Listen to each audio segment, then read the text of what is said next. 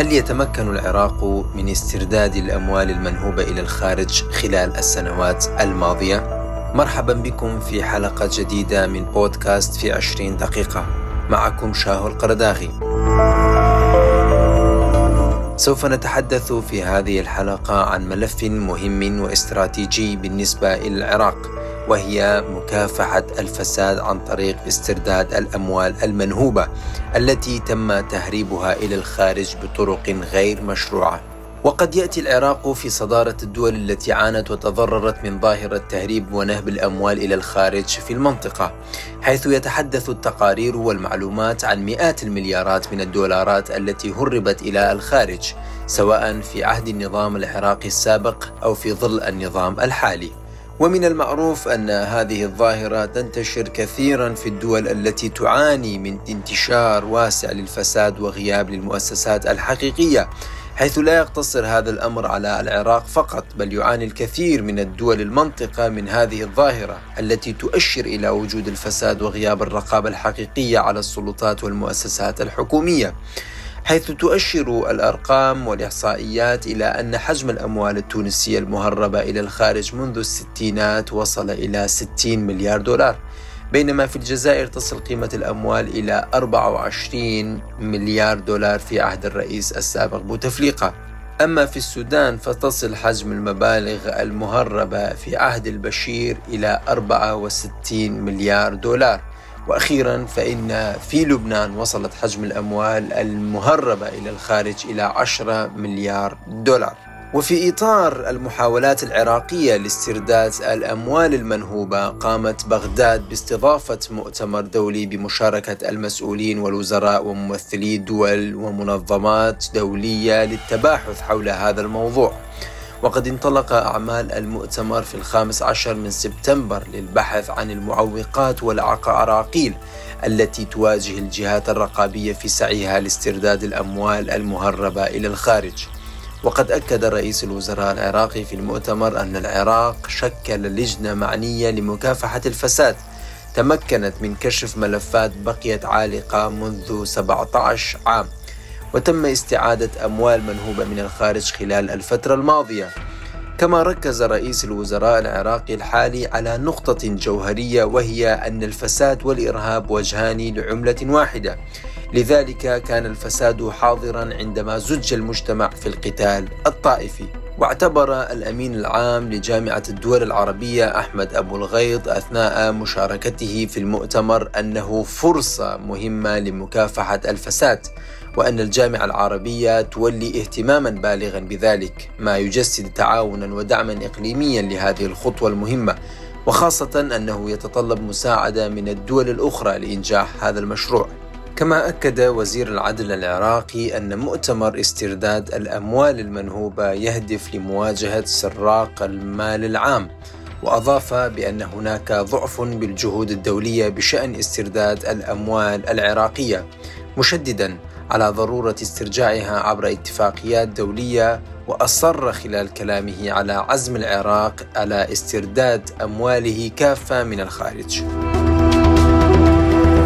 ونتيجة للأضرار الكبيرة التي لحقت بالدولة العراقية نتيجة لعمليات الفساد طالب العراق سابقا بتشكيل تحالف دولي لمكافحة الفساد مثلما تم تشكيل تحالف دولي لمكافحة الإرهاب. ونتجت عن هذه الجهود المبذولة هذا المؤتمر الذي خرج بثمانية عشر توصية لأجل حصر هذه الأموال المنهوبة والبدء باستردادها في محاولة لمواجهة التحديات العديدة التي تقف عائقا أمام هذا المشروع.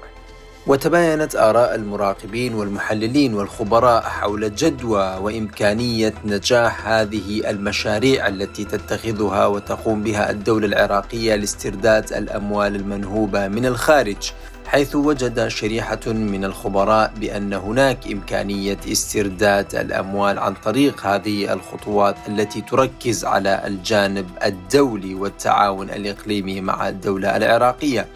بينما كان هناك شريحة أخرى ترى أنه لا جدوى من هذه الإجراءات والخطوات التي تقوم بها الحكومة العراقية حيث وصفت الخبيرة الاقتصادية والكاتبة الدكتورة سلام سميسم المؤتمر العراقي بأنها نكتة. وقد سألنا الدكتورة سلام عن سبب وجود نوع من التشاؤم تجاه هذه المؤتمرات فقالت لنا هو ليس تشاؤم ولكن بالنظر إلى توقيت طرح المبادرة والمؤتمر هو قد يكون اختيار غير موفق. فما بقي هو ثلاثة أسابيع للانتخابات وعندها ستكون هذه الحكومة منتهية الصلاحية وهي حكومة انتقالية. طيب لماذا تركت كل هذه الفترة لم تبدأ بذلك منذ بداية الفترة؟ وكان من الممكن لها أن تحقق في ذلك إنجازا يمد الخزينة العراقية بالكثير من الأموال التي تنقذها من العجز ومن من حالة التقشف المفروضة عليها. هذا هو سبب التشاؤم. لذلك كأنما آه أنه هذا المؤتمر هو استعراضي فقط لغرض التهيئة الانتخابات. أما عن الخطوات التي ترى الدكتورة سلام أنها مناسبة وضرورية وأساسية لإنجاح هذه المشاريع فهي أكدت على هذه النقاط. بالتالي يمكن للنشاط الدبلوماسي والمتابعة القانونية بالاتفاق مع الأطراف الدولية أن تحقق نتيجة ملموسة وجادة في طريقة استرجاع الأموال. الأطراف الدولية متهاونة لأنها لم ترى من العراق أي مسعى جاد لكي تسترجع السلطات العراقية هذه الأموال أو حتى لملاحقة الفاسدين أو لملاحقة السارقين. ولذلك بات من المعلوم أو شبه المؤكد لكل الأطراف الدولية أن العراق ليست لديه سلطة تحاسب على المال العام. المال العام للأسف ليس لديه حرمة وليس لديه قانون يحميه. في الوقت الذي هو ليس له حرمة وله قانون يحميه لكن للأسف الواقع أثبت غير ذلك. وهذا هو السبب الذي يجعل أنه يعني العالم متهاون. في حين لو تمت المطالبة الرسمية من الحكومة العراقية عبر القنوات الدبلوماسية وعبر القنوات القانونية لأمكن استرجاع على الأقل آه، جزء جزء كبير من هذه الأموال.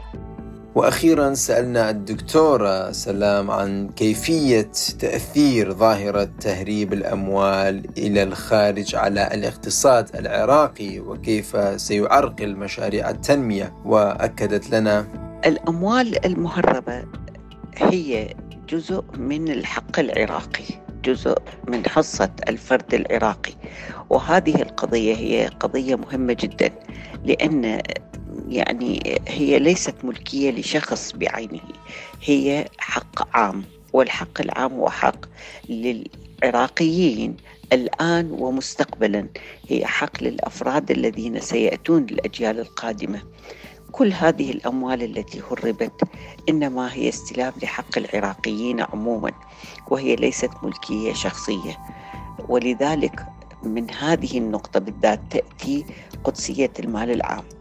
كان من الممكن لهذه الأموال أن تبني آه، دولة ببنى ارتكازية آه، جيدة. طرق جسور مدارس مستشفيات كل هذه الأشياء ولكن للأسف البلد يتهاوى والأرقام تعلو يوما بعد آخر للأموال المهربة. وببساطة من الممكن أن نقول أن عملية استعادة أموال الدولة هي مجموعة من التدابير والإجراءات والخطوات القضائية وغير القضائية والجهود المبذولة من الدول لاستعادة الأموال التي نهبت من ثرواتها ومواردها والمتأتية من عمليات الفساد والتي هربت إلى دول أجنبية بطرق غير شرعية. وبالطبع فإن هناك الكثير من الأهداف التي يمكن تحقيقها عن طريق هذه الحملة وإنجاحها ومنها تعزيز شرعية النظام السياسي وإعادة الثقة بالمواطنين ومنع الانهيار وخاصة أن الفساد تسبب بالكثير من الانهيارات وسقوط الأنظمة السياسية أو إحداث فوضى ومشاكل وكل خطوة لمكافحة الفساد يعزز من استقرار النظام السياسي وخاصة أن العراق شهد مظاهرات شعبية وثورة عارمة طالب فيها المواطنون بإنهاء حالة الفساد والفوضى داخل مؤسسات الدولة وبالتالي الخطوات التي تعزز من الشفافية سوف تصب في خانة تحقيق الاستقرار وإعادة ثقة المواطنين بالنظام السياسي. إضافة إلى تحقيق هدف آخر ومهم وهو إنعاش الأوضاع الاقتصادية للبلاد، حيث أن إنفاق وصرف هذه المبالغ لقطاع الخدمات كان سيحقق الكثير من الإنجازات ويخفف الكثير من المشاكل الاقتصادية. وكما يقول الرئيس العراقي أن هذه الأموال المستباحة كانت كفيلة بأن تضع البلاد في حال أفضل. وهذا اعتراف بتأثر الاقتصاد المحلي بهذا الحجم الكبير من الفساد. وبالطبع فإن تحقيق هذه الأهداف ليست سهلة بل هناك الكثير من التحديات والعراقيل التي تواجه هذه الحملات التي تحاول أن تسترد الأموال المنهوبة خارج البلاد. ومن هذه التحديات الكبيرة غياب المعلومات الكافية بشأن أماكن تواجد هذه الأموال. وخاصة أن الكثير من هذه الأموال تم تهريبها بصورة منظمة ودقيقة لتجنب الوقوع في المساءلة في حال قررت الدولة العراقية أن تبحث عن مصير هذه الأموال.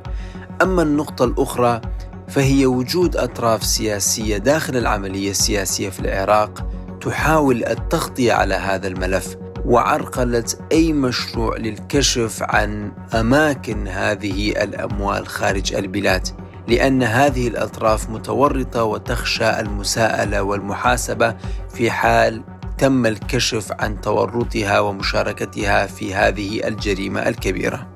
وفيما يتعلق بهذه الجزئية تحدثنا مع الخبير الاقتصادي العراقي الدكتور مازن الأشيقر وسألناه عن مدى جدية الأطراف السياسية الموجودة في العملية السياسية في العراق بالمساهمة في إنجاح هذا المشروع ودورها في بلورة هذه الأفكار لإخراج العراق من أزماته واسترداد أمواله منهوبة.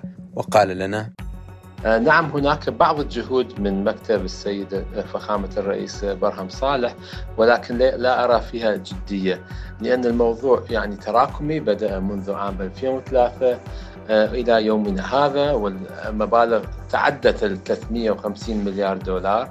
فلا أجد هناك أي جدية ولكن إعلاميا نعم هناك الكثير من الإعلام حول عملية استرداد الأموال المنهوبة ولكن مثل هذه آه، المشاريع يجب أن آه، يكون هناك آه، كتمان كثير لعل الفاسدون يكتشفون بأن هناك هذا المبادرة. فإعلاميا خطأ أن نعلن بأننا سوف نلاحق الفاسدين وإنما يجب أن يكون العكس. استدراجهم وحينها سجنهم وحينها المطالبة باسترجاع الأموال المنهوبة.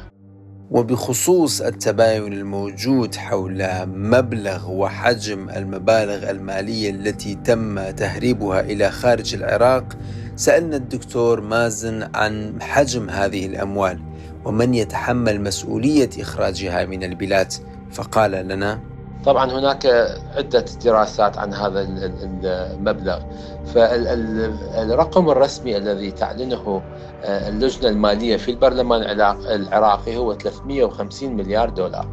ما اكتشفه السيد الدكتور أحمد الشلبي آه، عندما كان رئيس اللجنة المالية بأن المبلغ الذي تم تهريبه في ثمانية سنوات كان 312 مليار دولار. فطبعا هناك عدة أسباب لهذا التلكؤ أولا استعمال مزاد العملة لتبييض الأموال وتهريبها. آه، أيضا هناك النسب الذي يأخذه يأخذونها الوزراء عن كل عقد يوقعونه.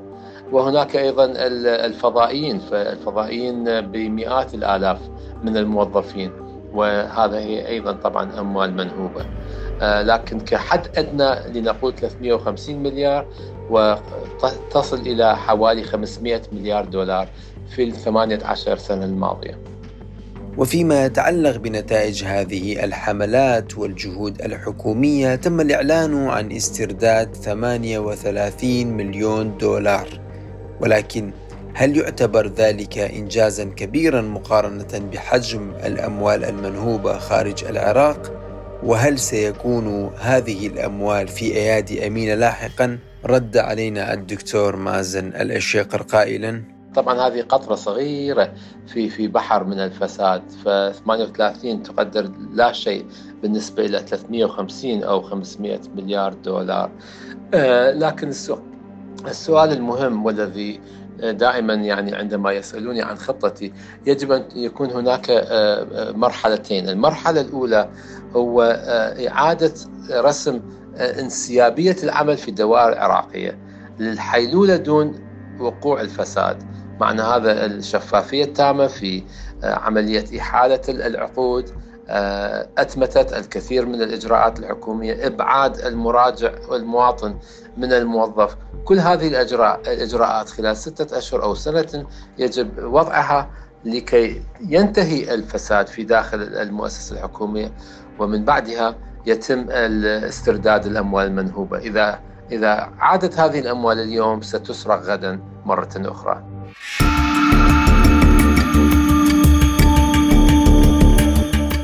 وقد دعا الرئيس العراقي برهم صالح في وقت سابق إلى تشريع قانون لملاحقة الفاسدين واستعادة الأموال المنهوبة من الدولة. وأكد على أن مجموع واردات العراق المتأتية من النفط منذ عام 2003 تقترب من ألف مليار دولار. ولكن وبحسب الكثير من المراقبين فإن القانون حتى في حال إقراره سيبقى رهن تطبيقه. لأن التوافقات السياسية هو الحاسم الرئيس في جميع الملفات المهمة والمصيرية وخاصة فيما يتعلق بملف الفساد. وعلى الرغم من وجود الكثير من القوانين والمواد الدستورية التي تتعلق بمكافحة الفساد وتعتبر الفساد جريمة مخلة بالشرف ولكن لم يتم تفعيل هذه القوانين بصورة نشطة وسليمة وإلى الآن ظلت حبرا على ورق في ظل غياب الإرادة السياسية والشجاعة القادرة على تطبيق هذه القوانين بحذافيرها على جميع أطياف الشعب العراقي سواء من المسؤولين أو المواطنين. وعلى الرغم من الضغوطات السياسية الكبيرة التي تمارس لعرقلة أعمال ونشاطات الحكومة الحالية إلا أنها نجحت في اتخاذ بعض الخطوات المهمة في مجال مكافحة الفساد وقامت باعتقال رؤوس كبيرة للفساد كانت مساهمة في ابتزاز المسؤولين وأيضا الدخول في صفقات مشبوهة.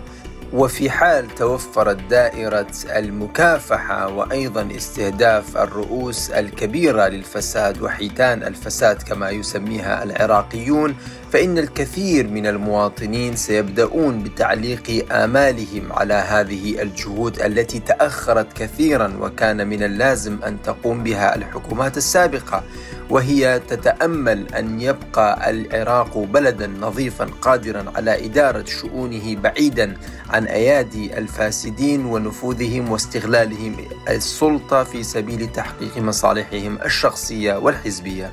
وعلى الرغم من أن العراق يحتل صدارة الدول الأكثر فسادا على مستوى العالم خلال الخمسة عشر السنة الماضية إلا أن تفعيل هذه القوانين ومكافحة الفساد واسترجاع الأموال المنهوبة وأيضا تحقيق الشفافية سوف يؤثر كثيرا على تقوية الدولة وأيضا على تقديم العراق في هذه القوائم واقترابه من أن يكون دولة تحقق الشفافية بدل أن تكون في ذيل القوائم المتعلقة بالشفافية سنويا. وتحقيق هذه الأحلام التي يرى المواطنون أنها ضرورية لإنقاذ العراق يتعلق بمدى شجاعة وإرادة الحكومة العراقية الحالية وأيضا المستقبلية التي تأتي بعد انتخابات تشرين إضافة إلى إرادة دولية لمساعدة العراق في استرداد أمواله وخاصة أن الجهود الدولية تلعب دورا كبيرا في إنجاح هذه المشاريع. إلى هنا ننتهي من حلقة هذا الأسبوع من بودكاست في 20 دقيقة من إعداد وتقديم شاهو القرداغي. شكرا لكم لحسن الاستماع وإلى اللقاء.